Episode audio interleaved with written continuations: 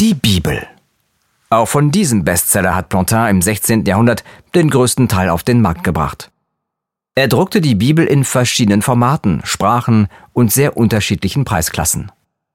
Das lässt sich unschwer an dieser teuren Luxusausgabe der beeindruckenden Biblia Sacra aus dem Jahr 1583 erkennen. Sie war das Ergebnis einer dreijährigen Arbeit und enthält 94 Kupferstiche von flämischen Spitzenkünstlern, die Plantin früher bereits verwendet hatte. Auf diese Weise senkte er die Kosten und steigerte seinen Gewinn. Plantin erhielt für diese Arbeit auch Subventionen vom spanischen Hof. Gekauft wurden diese Luxusbibeln vor allem von Kirchen.